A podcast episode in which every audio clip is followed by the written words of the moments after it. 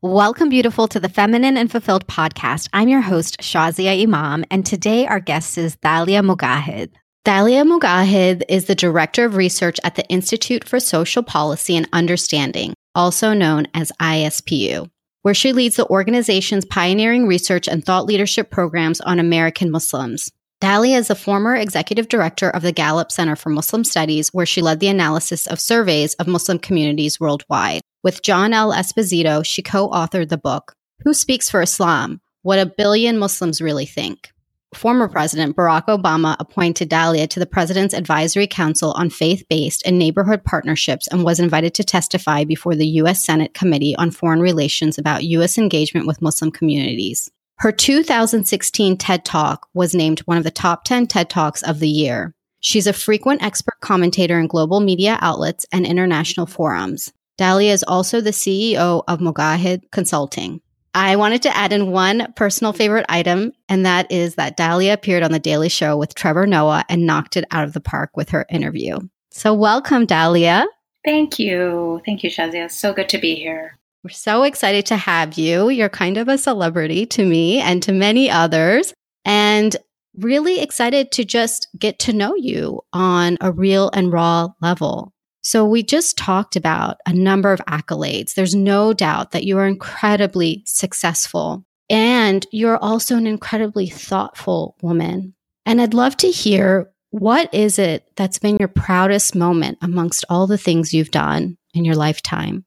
Wow. Well, thank you, Shazia, so much for your kind words and for having me on your program to talk about such important topics it's hard to pinpoint my proudest moment, but I definitely feel that when I feel most proud is when a young woman or sometimes even a little girl will come up to me after a talk and say that she felt more confident or more proud of who she was when she saw me on The Daily Show or she watched my TED Talk and sent it to all her friends. And to be in any way a vehicle to help young women, young Muslim women, young women of color to feel a little bit more confident in who they are because they see someone they relate to reflected back at them from platforms that they admire makes me feel incredibly proud and it makes the work I do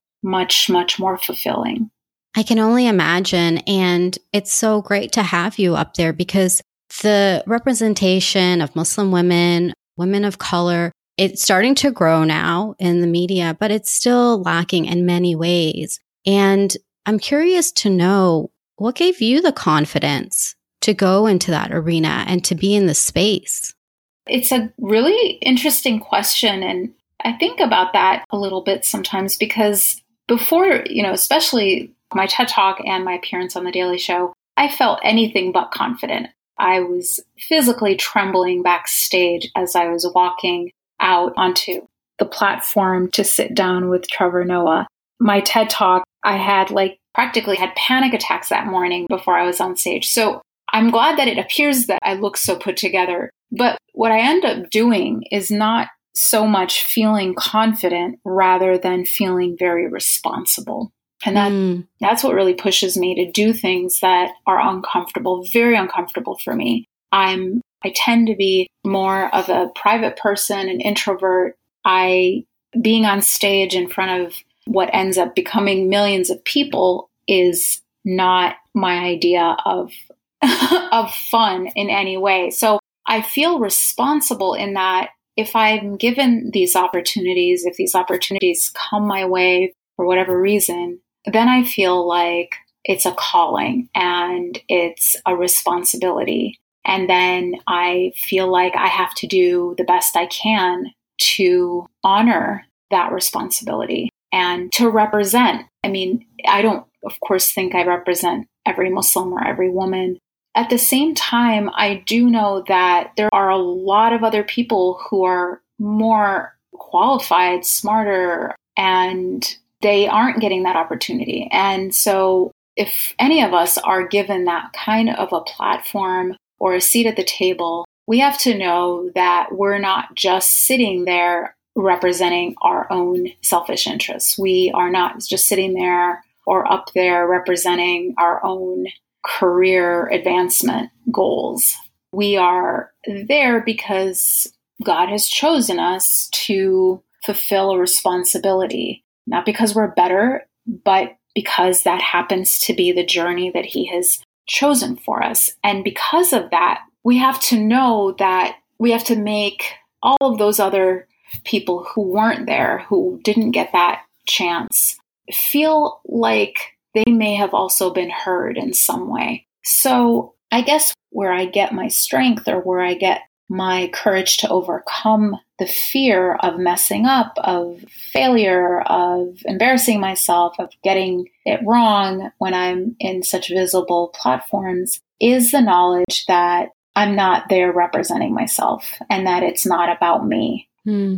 So when you're talking about having a seat at the table, I was imagining you literally having a seat at the table in many different places. And as you're sitting there, what is it that's coming to you as you talk about responsibility? You talk about these different pieces.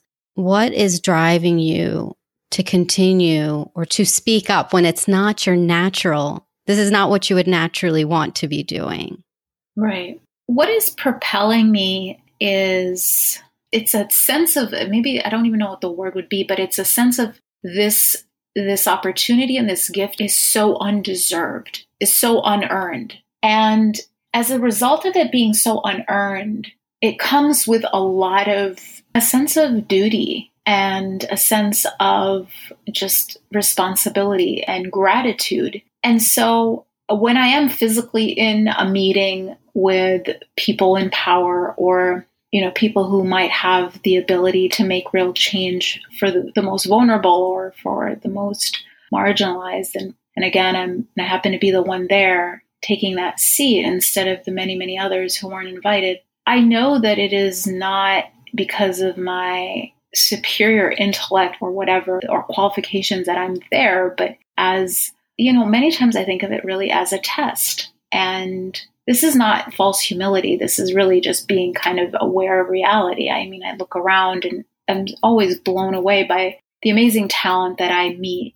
And when I'm in the room and I'm the only sometimes the only woman, but many times the only Muslim, many times the only woman of color. I can't just be there occupying that seat and taking up oxygen for myself only. So, what I do in those cases is I do my best to do my homework, talk to as many stakeholders as I can, actually do research on what communities that I might be there consulting on really want and make that the driver of my comments, make those things what primary on my list of my agenda, what I advocate for. So I think that in navigating this world of very uneven privilege, those who are given a platform, those who are given a seat at the table, have to really understand that right or wrong or fair or unfair, they have a much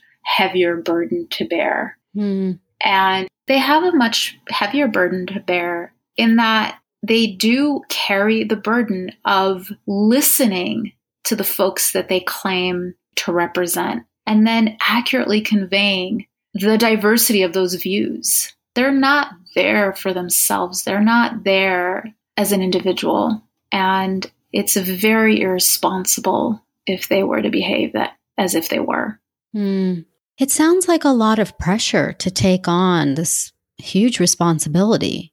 It is a lot of pressure. And that's why I really, maybe some people will disagree with this, but that's why I actually discourage people from taking this on. I don't think it's easy and I don't think it's something we should be taking lightly. I think back to my own religious tradition and when the Prophet Muhammad, you know, when we, the way we understand his mission and the way we understand how he was called to to be a messenger of God, his initial response was incredible reluctance and fear and doubt, self doubt. And he understood the gravity of that calling. And so it wasn't something he was rushing toward. And I think in the same way, public service or a public life is something we should not take lightly. Mm. And I, I'm always, I marvel at people who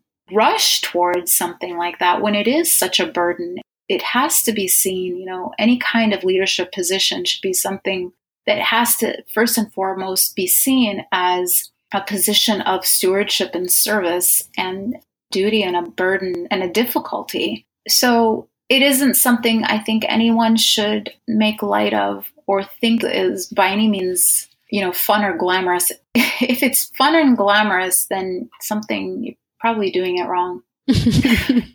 so, if this is the situation that being in public service can be this huge responsibility, and yet there is a calling for many of us, many of those listening, this divine calling forth, what would be your guidance to still step into that calling and balance that responsibility and perhaps that pressure and that reluctance, that real reluctance that can be there? I think it's to really think a lot about the communities you want to serve. And I really think that should be the starting point of any public role.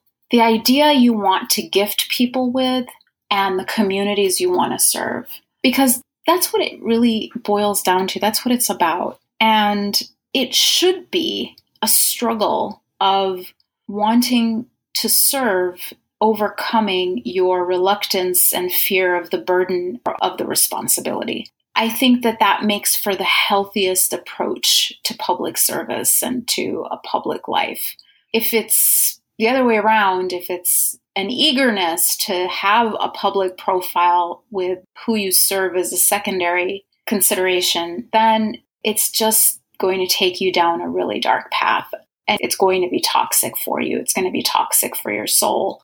Power or recognition or fame is very dangerous for one's soul. And I think you really have to learn to hate it in order to survive having it and not let it hurt you internally. And I really consider some of the experiences that I've had because of some recognition that have been super negative as blessings. I do believe that God was protecting me from being attached to recognition or being attached to fame or being attached to praise because it resulted, you know, He sent me trials that because of those things resulted in a lot of stress, a lot of anxiety, a lot of, I mean, really a lot of hardship because of the, you know, when you get that kind of attention, especially as a Muslim, as a woman, a woman of color, you don't just get positive attention. You get, there's a whole machine that is out there to discredit you, to smear you, to,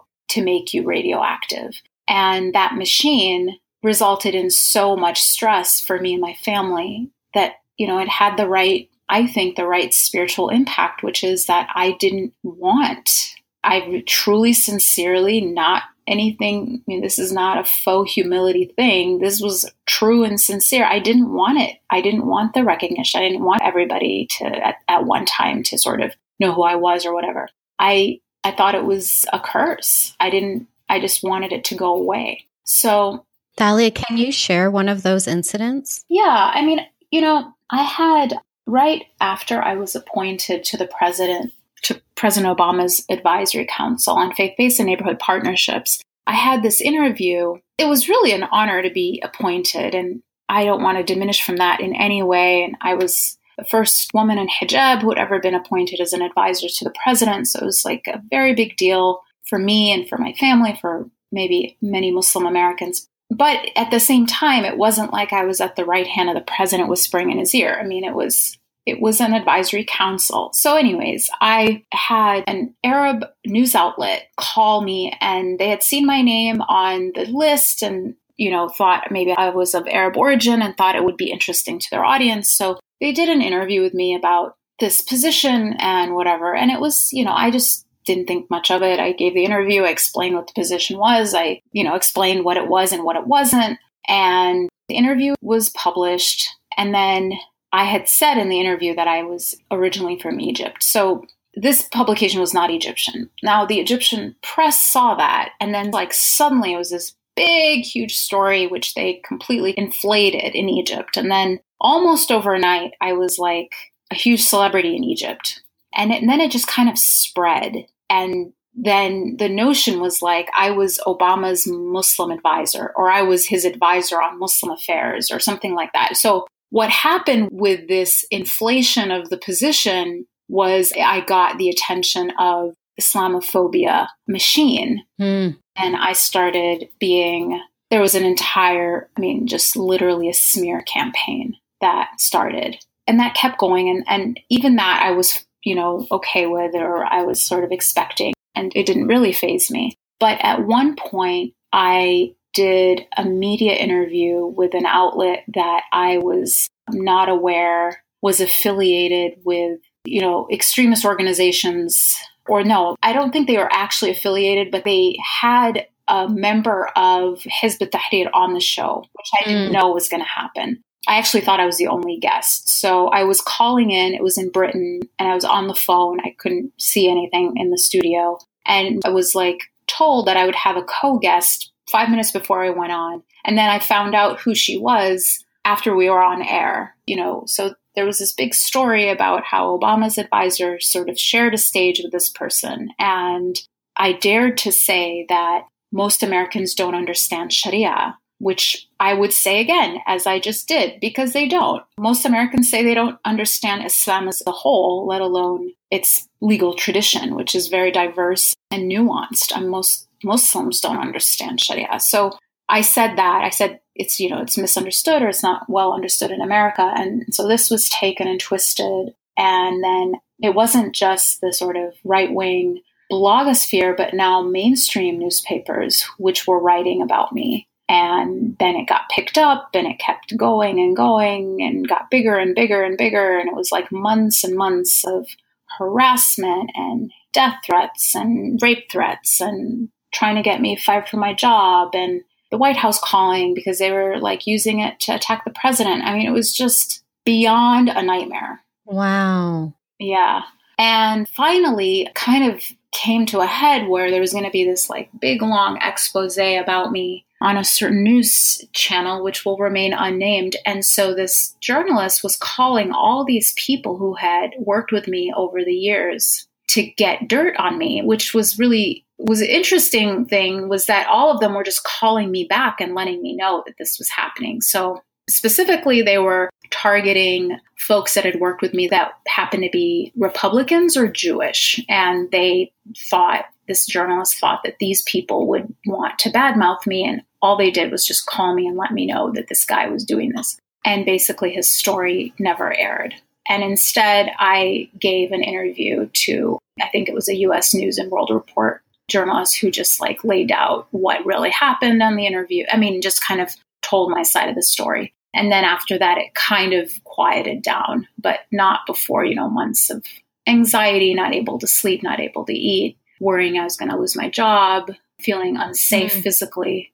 So, yeah, it sounds incredibly scary. It was very scary. So, I mean, it's interesting Islamophobia, sexism, and then anti Obama, even, is a kind of, we're all meshed together to create this very toxic campaign. And mm. so, social media was a very scary place for several months. And I mean, I'm very grateful for all the people that stood up for me and my job, you know, at Gallup, they were all very supportive.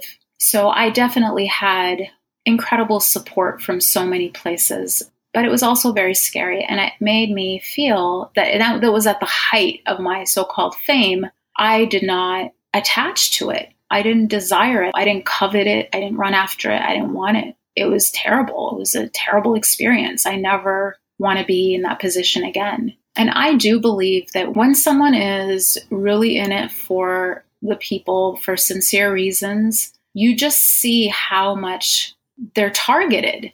And I think that is, of course, it's unfair. And I'm not defending that. we have to do more to support folks who, you know, are out there defending and working so hard for those who aren't heard. At the same time, I always see those situations as God protecting that person's heart and and that's a mm-hmm. sign mm. of their sincerity how did you move forward past that? I'm still reeling from all of that. I mean, how can you move forward when people are personally attacking you and your life is being threatened? I mm-hmm. would I think I might have just gone into a shell and never come out again. I definitely took a long time off or at least was much less public for some time. I, I, definitely needed a retreat. I, you know, I couldn't, it would be dishonest to say, well, I just kept, you know, forging ahead. No, I, I mean, it worked. It worked. It did silence me for some time, but I did come back and I kept saying what I was saying because nothing I said was not true. Nothing I said was against any group or, or for anything oppressive or bad for anyone. My dedication to telling the truth was overcame my fear and my mm. sense of disempowerment, you know, that I had felt during that period of time. I didn't want to surrender in that way. So, you know, I eventually, after resting, I did keep moving forward. And this thing will still be brought up till now, mm. as many times as I've explained, clarified, and whatever. But there's sort of a, uh, when it comes to activists, there's this internet machine that is impervious to evidence, impervious to explanation, impervious to correction of facts, and we'll just keep recycling a lie over and over and over mm-hmm. forever. Mm-hmm. And you finally just have to get, you know, move on and just say, well, the truth is out there for anyone who wants to find it. And if you want to believe something that isn't true, then that's, I'm not going to be able to stop that. Absolutely. And, you know, we see that social media is, is just problematic for many reasons because of kind of this toxicity that continued to be spewed. It's easy to be behind, you know, a piece of technology and then say whatever you want, but you would never say that to somebody's face. I mean, it's really hard sometimes to just witness the things that people are saying. And especially this machine you're talking about, it's just ridiculous. It's absolutely ridiculous. And sometimes, yeah, the best thing to do is to just move on and just ignore. I mean, those people will continue to say, and at some point, you're just going to have to move forward. And you mentioned your truth, Dalia. And what is that? What is your truth that is what keeps you going? What wakes you up every morning? I think my truth is I consider myself a seeker and I don't think I have a truth. I have I have the desire to seek truth and to speak truth when I find it. I consider myself a spiritual person, and I do believe that the primary purpose of religion is to save us from ourselves. Hmm. And to forge a path where our selfish interests are made secondary to universal truths and principles. So, for me, you know, in my line of work, that means doing high quality research and educating people with it, connecting with people, and you meeting them where they are, and then journeying together to maybe a higher truth, a better understanding, meeting them where they are in whatever assumptions they may have or misconceptions they may have about, say, you know, the Muslim community, understanding those things, but understanding where they might be coming from, but not staying there and not coddling that understanding, but, you know, in a spirit of generosity, not need, journeying together to mm. a different place that that is closer to the truth. And I think that that's a balance that we have to strike and it is what gets me up in the morning is to is to continue to walk on that kind of a path. Mm. I love how you talked about journeying together and I'm just going to share a little secret, a little insider information for our audience listening. Dalia and I are actually friends, and I was really honored to have Dalia come into my home for a sister circle, a sister's religious circle, study circle, halaqa, as you would say in Arabic, that I used to host outside of my home. And this is something that I did for years when I lived in Virginia. And I have to say, this was an incredible opportunity to really connect with women on a much deeper level. It was taking spirituality and Islam and just our natural selves and really having this open space to discuss and journey together. I really felt that many of us came into this, came together. We went on some journey. People would come and go. And Dalia, you were one of the people who came. Yeah. For a period of time. And those pieces, those times that you came were so meaningful because I felt that journey that we were on, that we were trying to navigate our way and make a difference. And I know that you have said that this is really important to you. And I'd love to hear more about that. It really was very important to me, especially that kind of a gathering. I think it was so necessary to take that time to connect with other women on a topic like spirituality and religion in a way that was very participatory, very personal, very reflective. And it really gave me the energy and the resilience to get through the week. And it was, you know, I could definitely tell when I wasn't able to make it one Sunday, my week would feel very different. So it was incredibly valuable. And I forever be grateful to you for opening your home and gathering us in that way. Dali, can I just share a funny moment? I just want to let everybody know that the first time that you, I had an open door policy for those Sunday gatherings. And it was like, just, you know, I had a note on the door, just come on in. And I remember the moment you walked in, Dolly, I had heard about you by then. This was after your appointment with Obama and, you know, all of the work that you had done. And I remember just thinking, um, I'm just like this regular person who was just holding this gathering. And I'm like, did Dolly Mogahed just walk in the door? like, and what I loved though is that in that moment, yes, I kind of had put you on maybe that celebrity pedestal, which we can easily do for a lot of people. But immediately when you shared and we had that intimate connection with the other women who were there and we continued to, I saw your thoughtfulness. I saw your depth. I saw how much this work really means to you. It's not just something you're doing, like you said, it's not at all for the fame. In fact, we just heard what can happen when you're so out there, intentionally or not. So I just really appreciate who you are as a person and getting a glimpse into that and going beyond just what, you know, the media will share or what others will share about you. You're really, when you say a spiritual person, I can personally attest to that. Thank you so much, Azia. I really appreciate that. And it was really a pleasure. And I definitely appreciated being able to sit down and converse and not feel like anyone, you know, that I wasn't being asked to speak or that I wasn't, you know, the one who was on point to provide any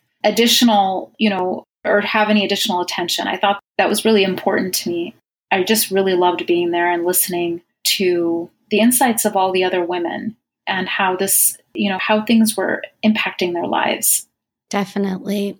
So, for those who, you know, might be thinking of you as a quote unquote celebrity, but want to know a little bit more about you, the real Dalia, the one at home, the one unveiled, right? Let's use some language here that's kind of popular these days. What's something that you could share about yourself that we may not know? Wow. Well, I'm a sucker for poetry. I guess that's maybe something people don't know. I love my family my best moments are with a really small group of people at home. I, I don't like crowds. I have two boys, and they're definitely my greatest joy and my greatest source of challenge in my life by far. I love my work. I'm interested in fitness. Interested in, is the operative word, right? Not not necessarily um, practicing it. Interested yeah, versus well, active. Sometimes I'm active, but a lot of it, a lot of interest. And I don't know. I'm incredibly ordinary, really, and that's the real thing. So that's true. Mm, I'll have to disagree with you on that point. but what I've learned now is that your extraordinary quality is the depth of who you are, and that every woman I've met truly has some extraordinary quality. Absolutely. And so I want to share that because it's really important to me that women really recognize that. I will stay on point. and Dali, I do want to ask you you did mention Sharia. Should we consider explaining it in a simple way or or just leave it? I can explain it a little bit. You know, the word Sharia is Arabic And it refers to, you know, linguistically, it refers to the road to water, the path to water in the desert. And the path to water is always a straight path. If you get off that path, then you don't find water. And so the idea of Sharia is like the path to God. It is an ethical framework. And derived from those principles is law. And that law is very diverse. There's lots of debate. It changes with time and place. But to ask a Muslim to disavow Sharia is basically like asking a Christian to, you know, disavow Christian beliefs. Sharia mm. is the principles of Islam. It's the ethical framework. It is not the laws that people might be scared of. That's not Sharia. It, those laws can be debated. They are interpretations. But the concept of Sharia is one that is core to the faith, and it really makes up a Muslim's ethical framework. Thanks for sharing that for folks who may not be familiar with Sharia. And Dalia, this has been such a fantastic conversation. And I'm sure our listeners might be wanting to know how they can get more information or learn more about the great work that you're doing. So, could you share where they could follow up and learn more? Absolutely. You can learn more about the research that I work on at the website for the Institute for Social Policy and Understanding, ispu.org.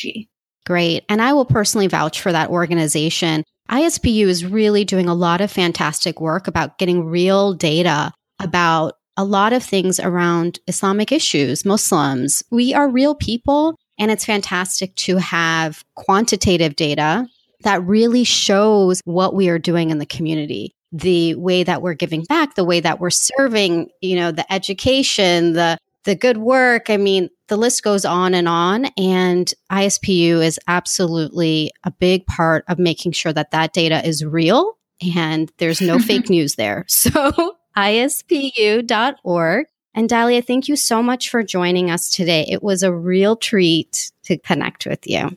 Oh, it was so nice to be here. Thank you so much.